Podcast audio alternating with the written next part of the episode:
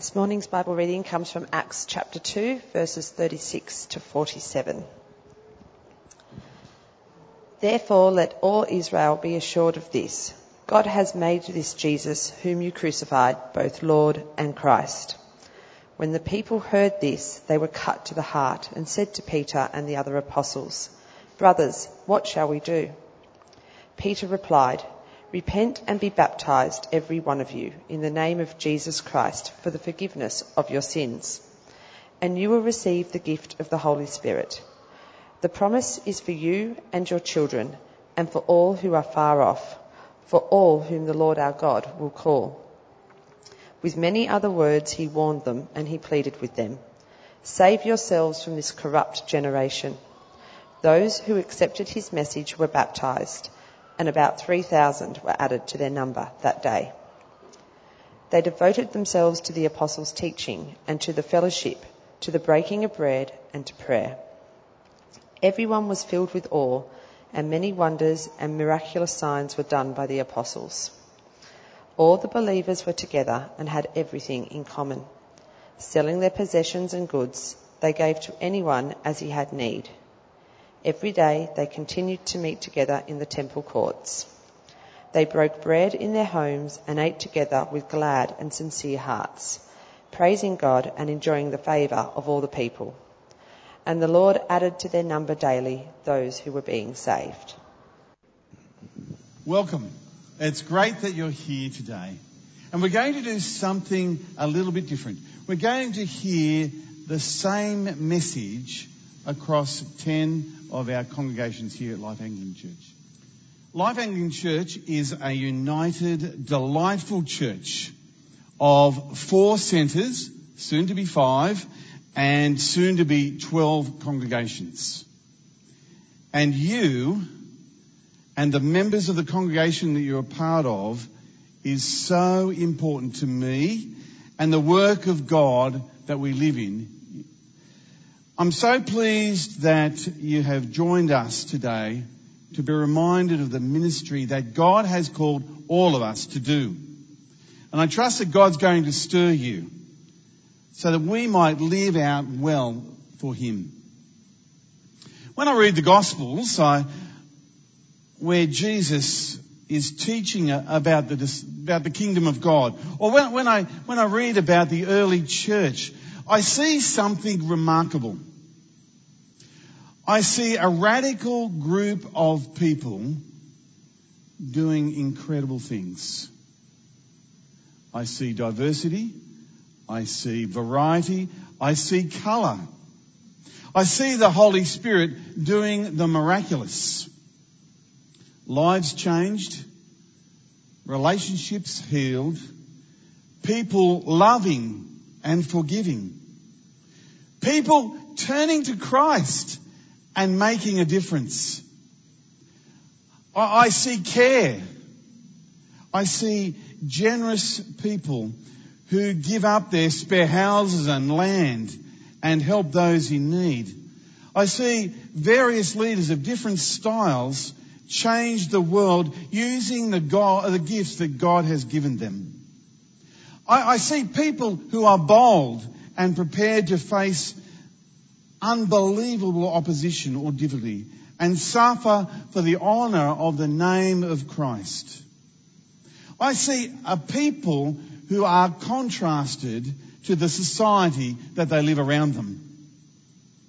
I see a people putting off their old way of life of immorality and self-serving. I see individuals, churches and towns throwing away their old way of thinking and give a life of service, of sacrifice and love. I see a united number of multiple churches in a city or an area like Jerusalem or Ephesus under the same church and leadership doing incredible ministries. I see a church that is in stark contrast to the society in which it lives. And as I reflect upon that church, I reflect on the people you have become. And I see the same thing. Now, there's no cookie cutter version of church. We are all delightfully different, just like in the New Testament times. But I see a breath of fresh air and life. And like the early church, we, as the community of God, work differently to the world that is around us. Sometimes, in order to be a faithful follower of Jesus, we need to be countercultural. If the world is frantic, we need to be an island of peace. If, if the world is alienating, then we need to be a beacon of hospitality and welcoming. If the world is lonely, we need to be people of intimate community and friendship. If the world is selfish, we, we need to be a centre of sharing. If the world is cynical, we need to be a people who can trust each other. People don't come to church for more of the same old world. They come to seek God, of course. But they don't just, like you and me, come for God. They seek for the family of faith where they can, we can embrace one another and see one another for who we are and the abilities that God has given us and use them to be a blessing to the world and to the glory of God over the last two years, we as a church have been transitioning to uh, three biblical purposes of our church. And this defines our mission here at Life Anglican Church. And under God, these three purposes will enable us to develop personal spiritual growth, congregational maturity and ministry, and numeric growth. This vision, by the way, is also aligned with the Anglican Church of Sydney's vision and clear outcomes are to be measured in our, in our church and the diocese and where we can develop specific strategies and focus, focus on our, to resource the goals we aim to reach. So our 2020 mission here at Life Anglican Church involves three things. Firstly, connecting people to Jesus. Secondly, cultivating faith in Jesus. And thirdly, celebrating life with Jesus. Let's have a look at the first one, connecting people to Jesus. This is our, this is our purpose, so let me read it to you. Connecting people to Jesus. We see a church full of hearts so desperately broken for the lost and so completely confident in the power of the gospel that the good news of Jesus is always on our lips and the love of God is clearly seen in our actions. In Romans chapter 9 verse 2, Paul tells us of the great sorrow and un- unceasing anguish that he has for his fellow Jews who are lost. Jesus said in that famous Sermon on the Mount in Matthew 5 of how let your light show, so shine before others so that they may see your good works and give glory to the Father who is in heaven. In Jeremiah chapter 1 verse 5 says, Before I formed you in the womb, I knew you. And before you, before you were born, I consecrated you to be my messenger to the lost people of the world. Friends, we are a church we're a church that weeps when we see people hardening their hearts to God and turning away from Him. For we just want more people to follow Jesus, don't we? So we want them to love Jesus and experience their sins forgiven and the new life in Christ. We're told that 80% of Christians be, uh, commit themselves to following Jesus before they're 18 years of age. And we at Life Anglican Church have a huge commitment and investment of staff, of volunteers and resources to our children and youth programs. And to see them being open to the gospel in, in, in so in many ways like they might never be later on in life is so important to bring Jesus to them. And we're absolutely confident that God is going to bless us as we do that and as we serve Him. I just want to express in whatever way possible the good news to the family, friends and colleagues around us that we need to express the saving power of our God. If I just reflect on what we've done in recent times, our welcoming ministry has come a long way in recent times where we value the, the visitor and the inquirer who comes to our church. We want to tangibly express the love of God to these people and befriend them so they can be grafted in the family of God here in our church. Well, the second mission purpose of our church is cultivating faith in Jesus. Again, let me read it to you. We see a church so humbled by the power of our Creator God, so in awe of the person of Jesus, and so consumed by the transforming work of the Holy Spirit that we are forever submitting ourselves to His Word and turning to Him in prayer. I know we are all, all of us, are broken people. And yet, despite being broken, God wants to, to work in us. And, and we are all in amazement of the extent of love God has shown to us, aren't we?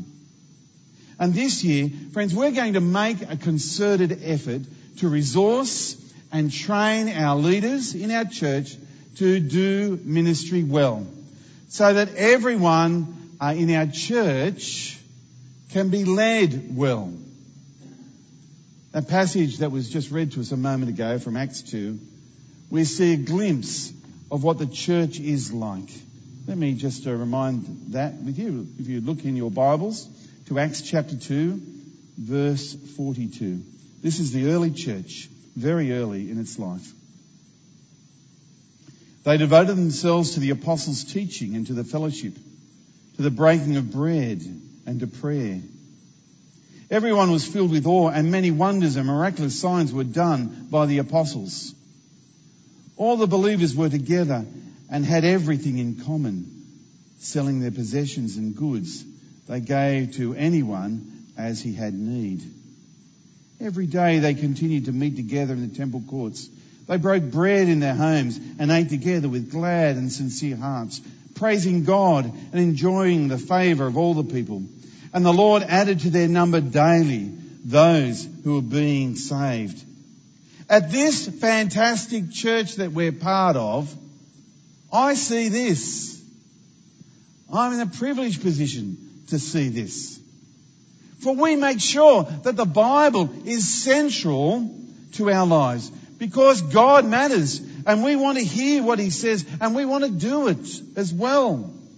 And in our preaching on our weekend services or in our life groups during the week, this is the backbone of our church where we really listen to what God has to say to us in His Word. So, what do I say to us, friends? like the New Testament church, keep making the gathering on the weekend, keep making a gathering during a week a priority because it builds, it builds us up. It's so important. You see, our church here is full of ordinary people. I don't say that to insult you because I'm ordinary too.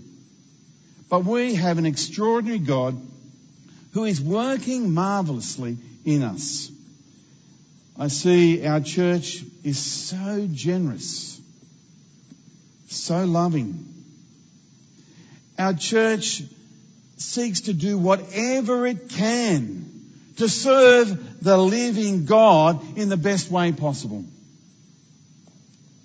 Well, the third purpose of our church here is celebrating life with Jesus. We see, a, oh, let me read it to you. We, we see a church so overcome by the grace and compassion of God that we cannot help but rejoice, sing, and live out our lives in thankfulness in never ending praise as we regularly gather and joyfully serve Him all our days. What's been happening in our Riverstone congregation is just wonderful. Under the leadership of Daniel Walmsley and some folk from other congregations, we're seeing God revitalise this church as they prepare for the huge number of people joining that community over the next 10 years. Next weekend, we're having a wonderful celebration. As a church of 11 congregations, we're going to have a baby. We're going to have a baby. We're commissioning 29 adults and 20 children and youth to a brand new church the following week. The people in the planting team come from many congregations of our church. Sunday night, Sunday morning Quakers Hill, Sunday, uh, Saturday night, and Riverstone. These guys are bringing their children with them. Sure, their kids will be part of the many specialist ministries of Blast Zone, Girls Zone, Quack, and Youth Life of our parish. But these guys have heard the personal call and they're going way out to Marsden Park to proclaim Him. The final touches of the team, I'm, I'm told, are being put together and they're chomping at the bit to go and uh, go where God has led them. Now, we couldn't have done this unless we were united under one ministry. The synergies of multiple small congregations under one large leadership has made a huge difference. Friends, we, we know, I want to say it up front, we are not a megachurch. Far from it. But a church comprising of many small congregations. In this one church of our parish, there is not one dominant congregation. Not one. According to its size or ministry. And our job is to serve God where we are in the congregation we are.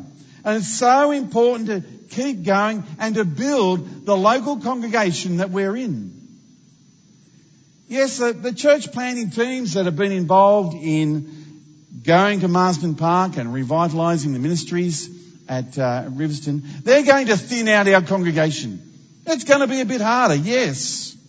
But our job here, if we're staying in that congregation, is to keep serving and growing the congregation we're part of. We just can't help doing and celebrating the Lord's work, can we? It's just worthy of our praise and thankfulness. It's an out, outworking of our relationship with God and what He has done for us. Because He is, has been so wonderful to us.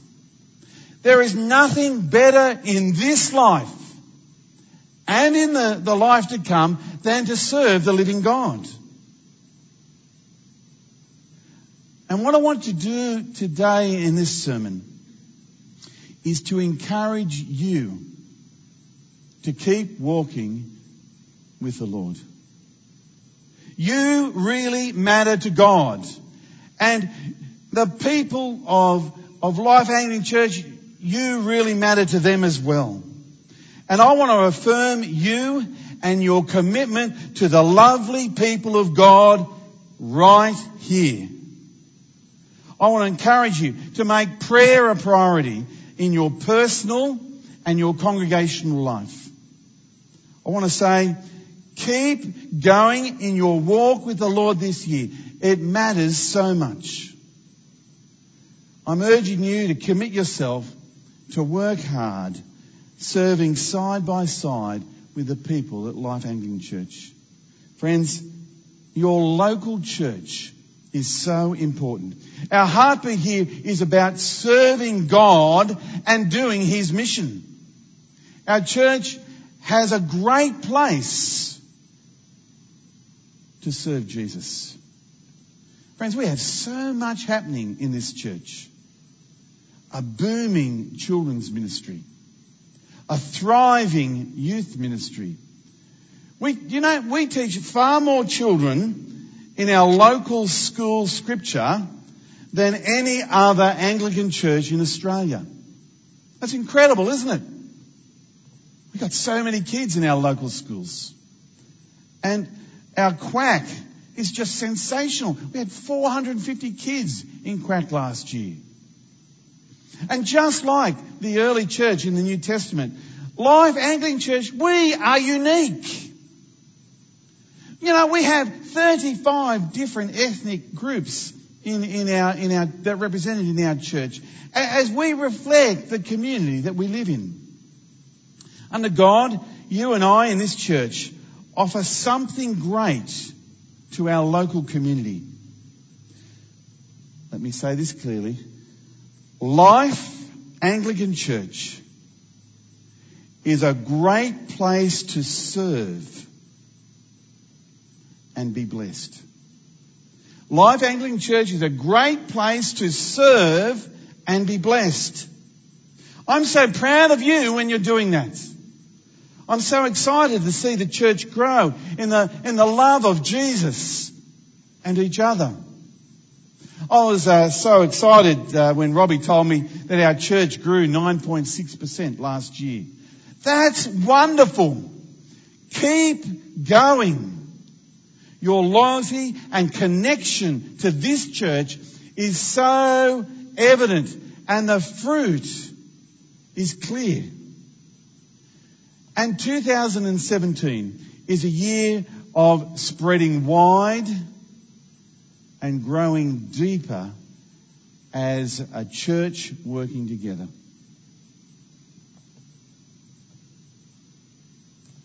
Friends, what we do here is important. What we do here is worth it. What you do here will last in eternity. So well done. Well done. Keep serving the Lord where He's placed you and make a difference. Next week in our church service, we look forward to hearing the individual vision that each congregation in our church has. Let me pray. Lord, we are in awe of you today. You have worked in our lives and done great things. We give you the praise for that and all that you're doing in this wonderful church. Lives are being changed. People hearing about Jesus' love and, gener- and, and the, your generosity is being felt in our lives. I thank you for the uniqueness of Life Anglican Church, the many different congregations in our church family, and that are so special in your eyes. Would you please continue to work in us and our church this year?